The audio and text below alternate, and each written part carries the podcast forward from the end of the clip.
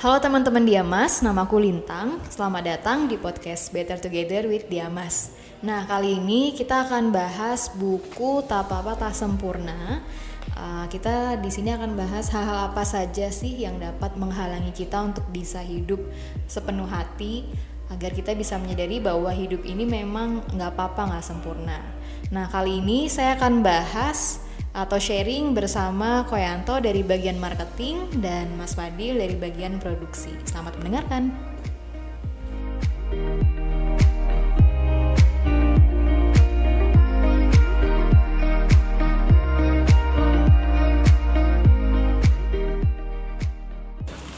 Halo Mas Fadil. Halo Mbak Lintang. Halo Koyanto. Halo. Iya, gimana nih kabarnya Koyanto? Ya baik-baik saja. Bu Lintang gimana nih? Alhamdulillah sehat. Iya, Oke. ya puji Tuhan. Mas Fadil gimana? Ya, alhamdulillah sehat selalu.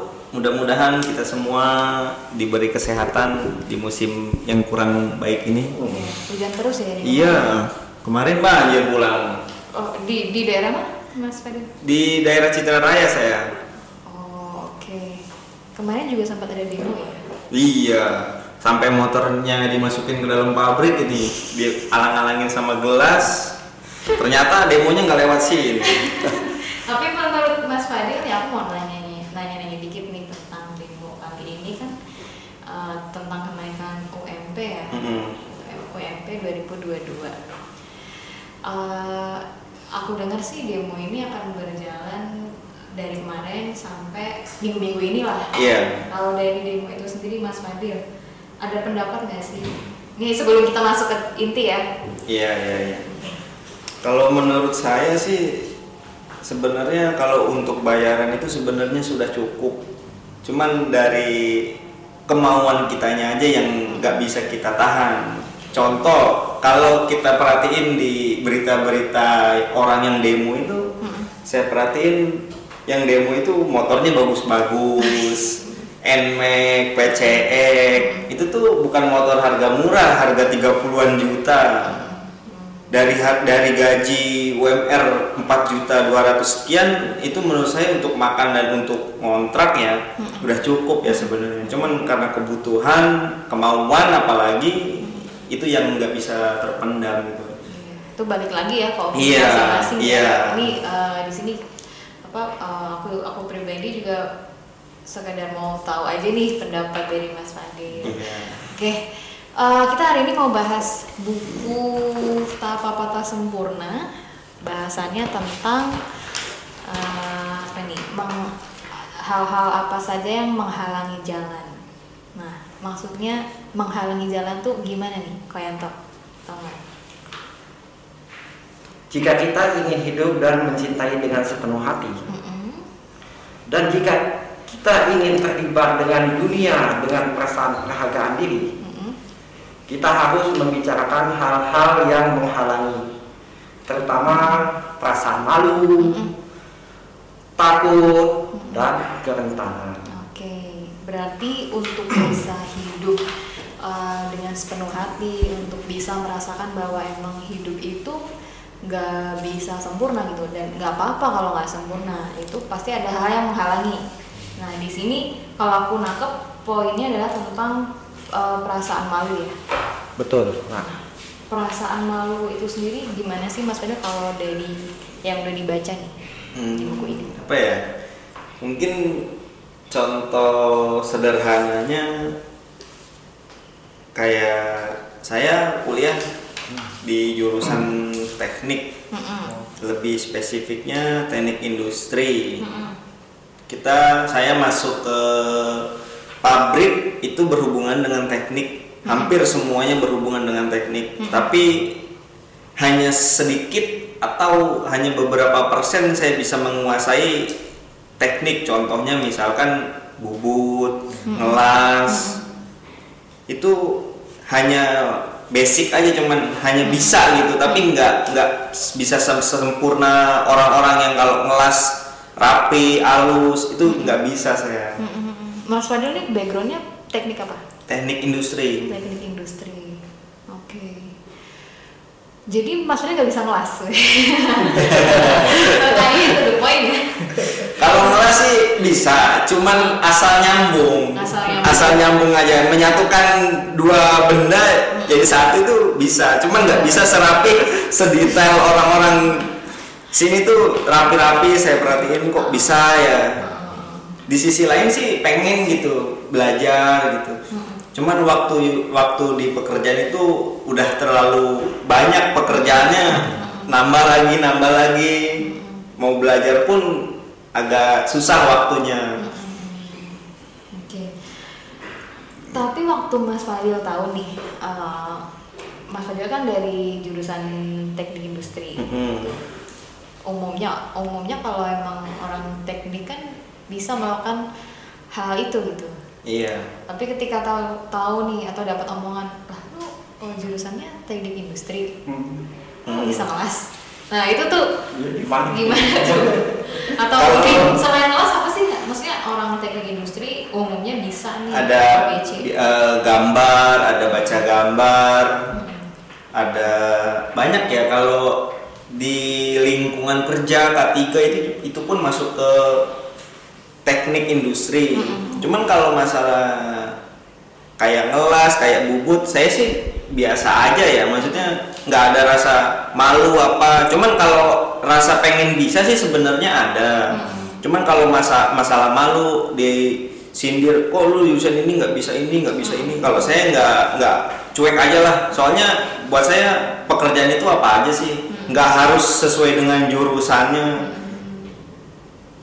Nggak harus sesuai. Yang, yang penting apa nih? Yang penting Ada kita yang penting apa nih? yang penting apa? yang penting kita bisa bekerja di tempat ini sesuai apa yang udah ditugasin sama manajer ya maksudnya kayak saya di sini udah masuk ke bahan baku ke air ke listrik ke oksigen itu maksudnya udah di luar dari basic saya. Cuman saya senang pekerjaan ini karena nantinya ke depannya misalkan saya kerja di tempat lain saya udah punya basic ini gitu.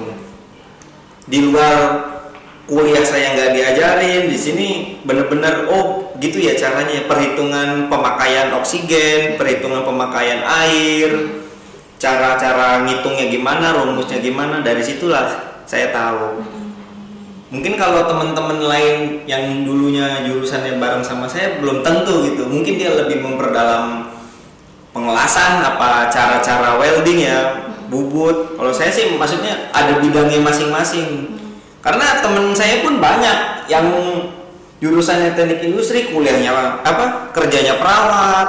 Itu pun ada maksudnya ya memang nggak harus nggak harus nggak apa-apa. Nggak ada masalah nggak ada pikiran apa biasa saja. Tapi pernah nggak sih Mas Mas Fadil nih? Mungkin bukan tentang bukan tentang jurusan nih, Nah. atau hal lain nih, hal lain yang menurut Mas Fadil ini tuh hal memalukan, tapi Mas Fadil keep sendiri, nggak nggak nggak perlu ngomong sih hal itu apa, tapi ada nggak? Ada ya? Ada. Ketika apa yang membuat Mas Fadil itu eh, menjaga atau keep keep keep it for yourself gitu, menjaga rahasia aib lah atau hal yang memalukan itu ada sendiri. sih maksudnya eh, ini sih bukan masalah pekerjaan. Tapi buat saya kalau orang tahu itu bakal nantinya ke depannya bakal jadi bulian gitu ya. Bulian. bulian. Jadi jadi ada ada rasa inilah rasa ah udahlah orang gak usah tahu lah biar gua aja yang tahu gitu Mungkin ada rasa kecemasan ya. Kecemasan, ya. Kecemasan dalam diri kita ya kalau gue menceritakan itu kepada orang lain. Aduh, nanti orang lain menghindar dari saya. Eh, itu benar-benar sama sekali nggak diceritain ke Enggak, anggota keluarga, ada, ke istri, ada. atau itu yang tahu cuma bapak saya saya ingat saya Oke. itu pun mungkin orang tua saya udah lupa ya namanya Saya jadi penasaran apa itu ya.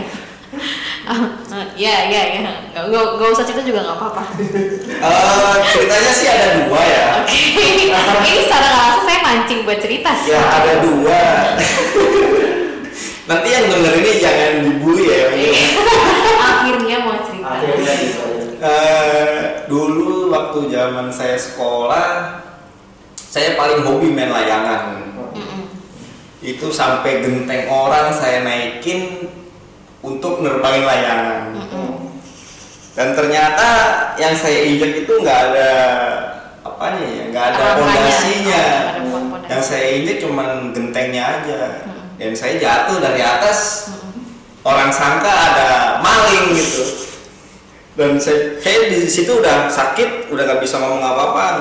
Kemudian ada orang yang naik dari atas, malah diketawain bukan ditolongin, lu ngapain? Waktu itu umur berapa nih? umur saya ingat saya sih tahun 2009-an ya 2009-an ya Bandung banget lah sampai genteng orang aja saya naikin buat main layangan gitu Tapi cerita nih. Nah, cerita ya kita ini ya layangan. Kalau dari buku yang eh, kita baca nih, eh, Tapa Peta Sempurna, dia bilang kalau untuk me- menjalani kehidupan yang sepenuh hati, kita tuh harus berani ceritain hal yang memang eh, menjadikan kita itu eh, malu sebelumnya gitu.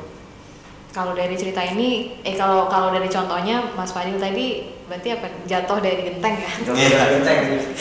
jatuh dari waktu awal-awal kan berarti kan rasa malu banget tuh kayak Tuh, malu seolah-olah banget. seolah-olah ini gak sih kayak aduh kalau bisa nggak perlu ada yang nonton lah nggak perlu ada yang lihat itu hampir satu RT datang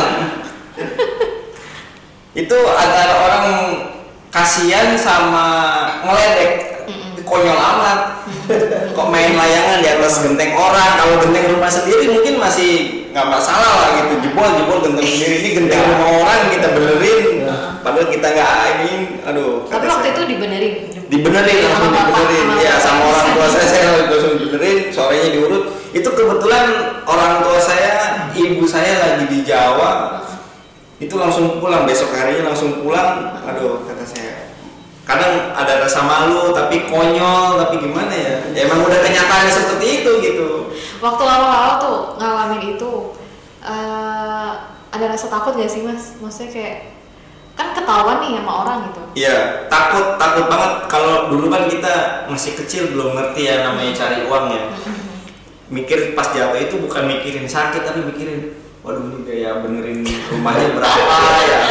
Langsung kepikir Iya, itu soalnya saya sendiri kan dulu masih sekolah belum ngerti cari uang kayak gimana, susahnya kayak gimana gitu. Akhirnya orang tua ya ya mau gimana orang anaknya sendiri yang ngerusakin. Ya udah. Langsung dibetulin saya malamnya urut. Ya udah. Dari situ selama satu minggu lebih lah itu malah dijadiin ketawa tetangga gimana gitu. Tapi Mau respon nah, responnya Mas Fadil ketika dijadiin bahan ketawaan ya saya pun nggak ada rasa marah sih. Maksudnya saya juga malah ketawa gitu. Karena itu hal yang konyol menurut saya. Dan kayak gini ya ngerasa kayak Iya. emang ya emang gitu. Oke Mas Fadil. Makasih banyak nih udah mau cerita Iya. nih. Tuh itu tadi rahasia yang sebenarnya nggak mau diceritain sih. ya kalau satu lagi kayaknya nggak bakal ceritain sih. Kayaknya lebih memalukan lagi spoiler spoiler boleh ya sih itu ceritanya apa Nggak, nggak. Kalau yang satu ini jangan. Ini lucu banget apa? Maksudnya bukan lucu, tapi lebih lebih memalukan ya lebih tepatnya. Bukan lebih ini lebih memalukan. oke kalau dari Koyanto nih kok ada nggak gitu hal yang mungkin jadi eh, hal yang experience atau pengalaman yang memalukan nih untuk diri sendiri entah itu di setting pekerjaan atau di kehidupan sehari-hari yang akhirnya nggak mau cerita atau akhirnya nggak mau awalnya nggak mau cerita tapi lama kelamaan kayak gue harus cerita deh gitu. saya harus cerita deh kayaknya deh gitu. gimana Nah, misalnya kita contoh nih kan kita kan di bagian marketing saya. Mm-mm. Nah, setiap bulannya kan kita punya target penjualan. Nah kalau target penjualannya mencapai kan kita happy dong, kita nggak Iya. rasa ada apa-apa dong. Iya dong, Nah, betul. Benar, iya. Saya sendiri juga ngerasa kalau misalkan target pekerjaan saya pribadi itu tercapai, saya akan ngerasa lega sih. Ya tidak ada Iya, beban. tidak namanya. ada beban. Nah, Tapi kalau misalkan nggak ada nggak beres, pasti Nah. kepikiran terus. Gitu. betul. Nah, Nah, kita kan kebanyakan misalnya target tidak tercapai. Nah, kita kan harus banyak ah, mungkin tim kita mungkin ada ide-ide. Mm-mm. Nah, ide itu sangat berharga kalau mereka mau menceritakan supaya dengan ide itu kita bisa menaikkan penjualan kita. Untuk mencapai target. Betul itu mencapai target. Nah, nah, misalnya kalau kita target tidak mencapai, nah kita kan ada beban nih ya pertama Iya. ya. Mm-mm. Terus, aduh gimana ya target saya nggak tercapai nih bulan ini. Kita kan ada perasaan malu, Mm-mm. tidak enak lagi. Mm-mm. Betul. Tanggung jawab kita gimana gitu. Nah, Jadi kita harus uh, mulai memikirkan hal-hal yang supaya tadi dengan ide-ide tadi Mm-mm. ya, mungkin kita juga harus menceritakan kepada ya, pimpinan kita mengenai oh, kenapa sih target kita tercapai gitu loh. Nah, jangan kita di waduh target nggak tercapai kita diam saja. Diam-diam baik. Diam diam baik lah, diam lah. Padahal diam. sebenarnya bahaya sedang mengancam diri. Nah itu dia kadang-kadang sedang di ujung tanduk Iya, sedang di ujung tanduk. kadang istilahnya kan dalam ini kan uh, marketing adalah ujung tanduk perusahaan. Iya, betul. Betul kan? Betul. Jadi kita memang harus berusaha. Nah, mungkin kita kita menceritakan yang ada ini, oh misalnya ini gimana kepada pimpinan kita nih, misalnya, tadi kita tercapai pasaran begini. Nah, Mm-mm. nah, apalagi waktu ini zaman pandemi, Iya. aduh, Iya. sangat terasa sekali itu. Aduh. Uh, semua di bidang industri semua merasakan Ya dong itu. Tapi kan kita nggak mau begitu dong. Kita harus Iya. berusaha dong supaya kita penjualan kita ada gitu. Nah kemudian kemudian ini Bu Lintang kan tahu nih Mm-mm. Di belakang kita tuh ada apa tuh Bu? Ada apa ya? Di belakang. Oh, belakang kan ada papan tuh Bu. Iya. tuh. Nah setiap, setiap hari kan kita harus melihat papan itu. Iya, papan. Eh, Papan Papan. repot.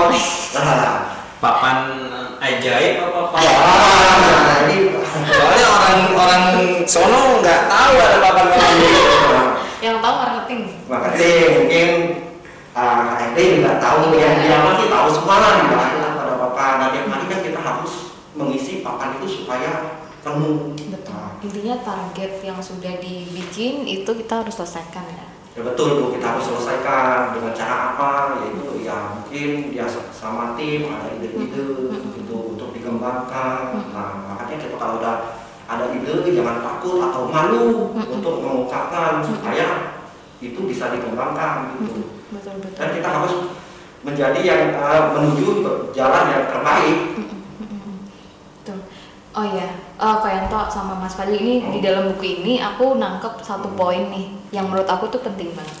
Jadi si Brainy ini, eh, si penulis buku ini dia bilang kalau kita itu butuh paling tidak satu orang untuk merangkul eh, ketidaksempurnaan kita atau kerentanan diri kita.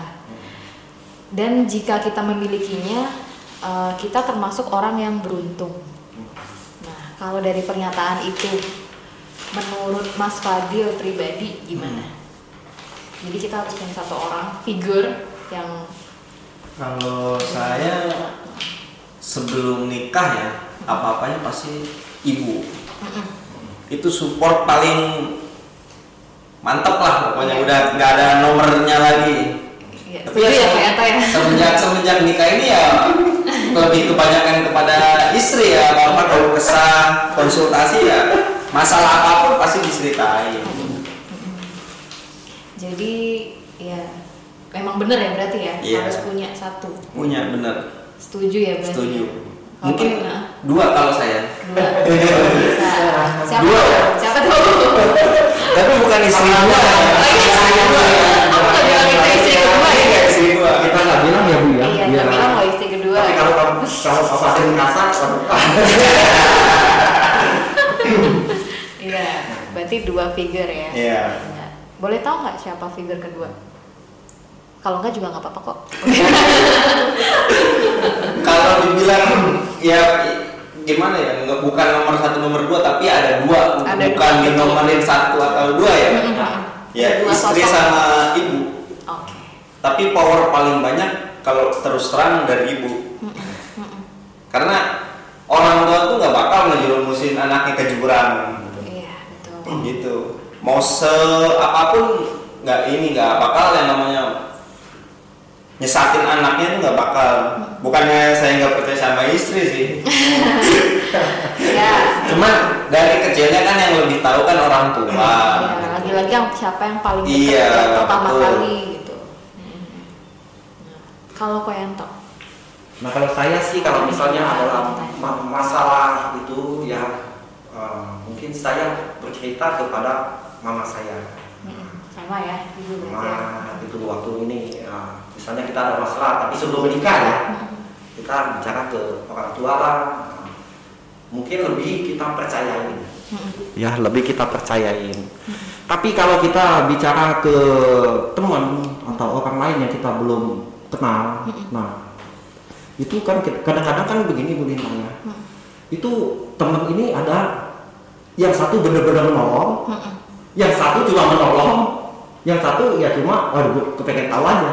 Hmm. kepo Nah kita juga nggak tahu nih. Nah itu kan teman kan banyak banyak ini. Tapi kalau orang tua, ya dia kan mendak, aduh itu anak saya. Nah, gitu. Nggak mungkin dong. Benar kata Pak. Dia orang tua itu tidak akan menjerumuskan anaknya. betul Pasti membantu dia, ah, menyalurkan dia, ya, itu supaya mereka lebih sukses untuk masa depannya. Nah, nah setelah menikah, ya kita mungkin ini hidupnya lebih banyak hidupnya istri ya. lebih ke ini nah di mana mana ini apa nih tolong diperjelas dulu ini tuh ini apa ini nah setelah setelah dewasa setelah menikah kita kan udah pisah dari orang tua. Iya. yang mendampingin kita kan istri dan anak. Betul. Nah betul nggak melintang nih? Nah. Iya insya Allah betul sih kalau saya belum nikah soalnya ya belum percaya gue tanya Pak Fadil dong. Betul? Oh, iya, ya betul. Betul. istri dan anak ya yang nemenin kita ya kan? Nah, nah kalau kita ada masalah apa kan kita pasti cerita ke istri dan anak gitu. Itu utama dulu nih nah ada masalah apa? Karena mereka kan uh, satu keluarga dengan kita. Nah kebetulan kalau orang tua saya kan nah, biasanya kalau sudah di situ kita telepon aja oh ini ini. Tapi di, di itu misalnya kalau orang tua kan kita ceritanya oh saya juga nggak mau cerita yang berat gitu Bu. iya kita bikin kita tidak mau melibatkan setelah menikah tuh saya tidak mau melibatkan masalah saya ke orang tua lagi. Tidak akan cerita ya cuma kita telepon tanya apa kabar ini. Gitu. Mantap.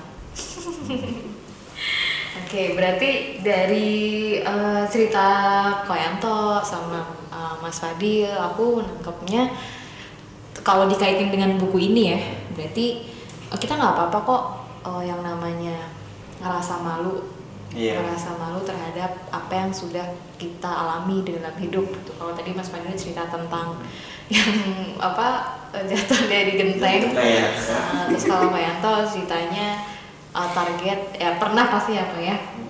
Target uh, penjualan nggak tercapai gitu. Terus akhirnya ya mau nggak mau emang harus cerita itu ke atasan gitu. Dan itu uh, nggak apa-apa untuk merasa merasa kita melakukan sesuatu yang salah walaupun itu disengaja ataupun nggak disengaja gitu. Tapi uh, yang penting kita pun juga harus punya sosok atau figur yang bisa menjadikan uh, apa ya atau gu- fi- figur atau sosok yang bisa dijadikan uh, tempat untuk cerita gitu tempat untuk menerima itu dan mungkin mereka mau bantu gitu. kalau dari ceritanya Pak Yanto sama Mas Fadil adalah keluarga Iya. tapi kalau dalam setting pekerjaan nih, nah orang kerja itu kan nggak mungkin selalu benar terus dong, Iya. ya nggak? betul. Kita kadang salah. Nah, apakah eh, Pak Yanto sama Mas Wadi ini punya figur yang kalau misalkan emang melakukan suatu kesalahan nih di pekerjaan, kayaknya harus cerita deh, gitu. Ngerasanya kayak gitu, kayak gue harus cerita deh. Kayaknya saya harus cerita deh ke sosok ini. Gitu. Karena kalau nggak cerita, nggak plong nih atau nggak akan ada uh, ujungnya nih atau nggak ada solusi gitu.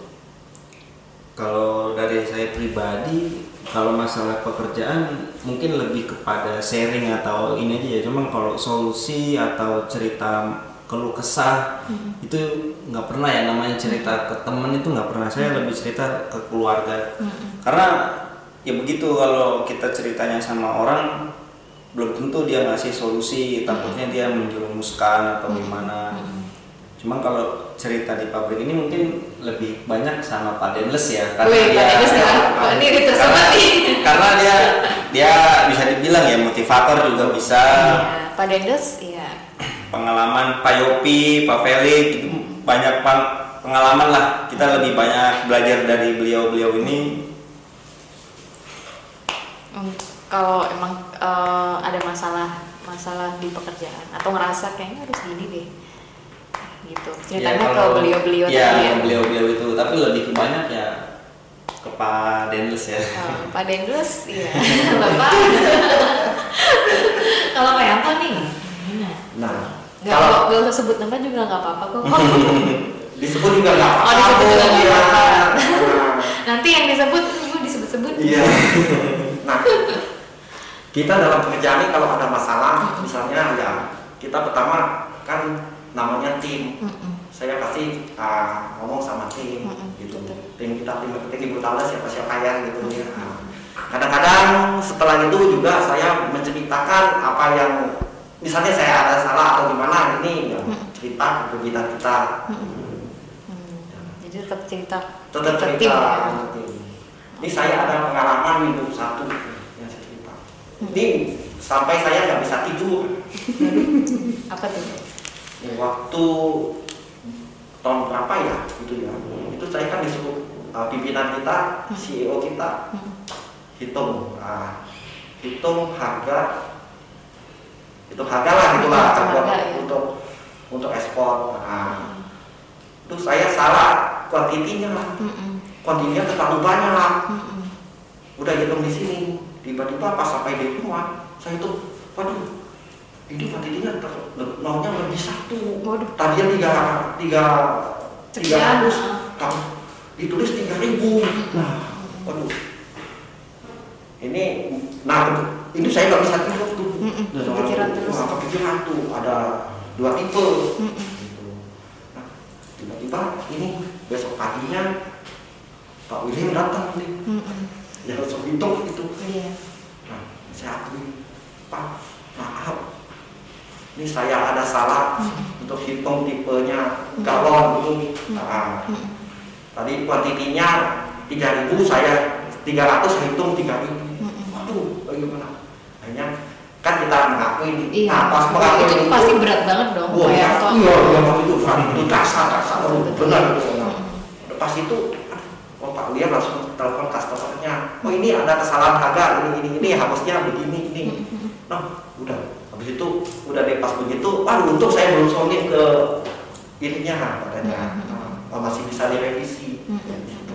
Nah, dari situ udah, nah, akhirnya saya minta maaf bang, dan udah dikasih tahu begitu kan lega, artinya Iya. oh, lega benar, Iya. artinya udah, nah udah, aduh lega banget gitu bu. Iya.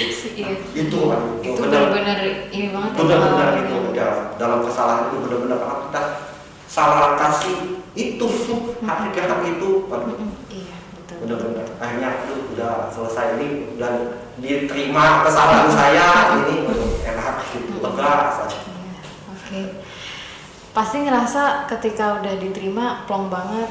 Dan re- ketika mendengar respon yang nggak yang istilahnya eh, responnya positif ya pak ya. iya betul. Itu pasti juga Aduh, yang tadinya deg-degan Deg-degan, jadi aduh, aduh, udah disuntik, waduh gimana ya gitu. Ya, ada kekhawatiran, kekhawatiran. Akhirnya uh, pas beliau beliau telepon customernya itu dibilang, oh ini, oh ini harganya salah hitung gini gini gini. Oh customernya bilang, oh oke nggak apa-apa, nanti saya kasih tahu bayarnya katanya.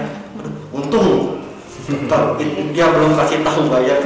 Aduh, saya udah habis itu dia ngomong udah langsung benar.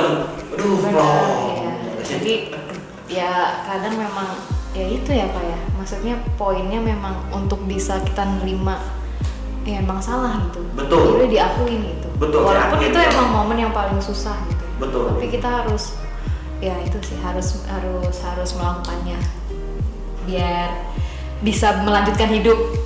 Bener kan kok? Betul, itu. pengalaman Iya. Iya. Oke deh, thank you Yanto, thank you Mas Fadil Iya. udah mau sharing bareng saya di hari ini. Semoga teman-teman uh, yang mendengarkan podcast kita hari ini bisa menyerap apa yang sudah disampaikan nih. Uh, tadi dari pengalaman Mas Fadil, dari pengalaman Koyanto. hal-hal yang memalukan yang akhirnya mereka berani untuk menceritakan di podcast ini. Itu saya yakin nggak gampang gitu. Dan pasti ada juga uh, apa namanya ketakutan ketakutan kalau misalkan mereka mikirnya jelek gimana ya gimana ya? Itu kan biasanya kita ada ya pikiran-pikiran kayak gitu Iya. Cuma sekarang udah tua udah nggak udah kecil. Kalau udah tua kayak gitu mah kebangetan. Oke. tetap ada lah lah ya namanya manusia hidup ya mungkin namanya pasti ada ya Iya betul. Oke terima kasih banyak Mas Wadil, Iya. Pak Yanto. oke Ya, terima kasih Bu Lintang Iya Terima untuk eh, topik selanjutnya kita akan bahas tentang eh, apa nih eh, Mas Fadil? Tentang ini ya eh, Menumbuhkan. menumbuhkan keautentikan atau melepas melepaskan pendapat orang lain. Aku juga masih nggak tahu konten dari ini tuh apa. Nah nantinya kita akan bahas bersama eh, eh, teman-teman yang lainnya di podcast episode selanjutnya. Thank you, bye bye. Oke. bye bye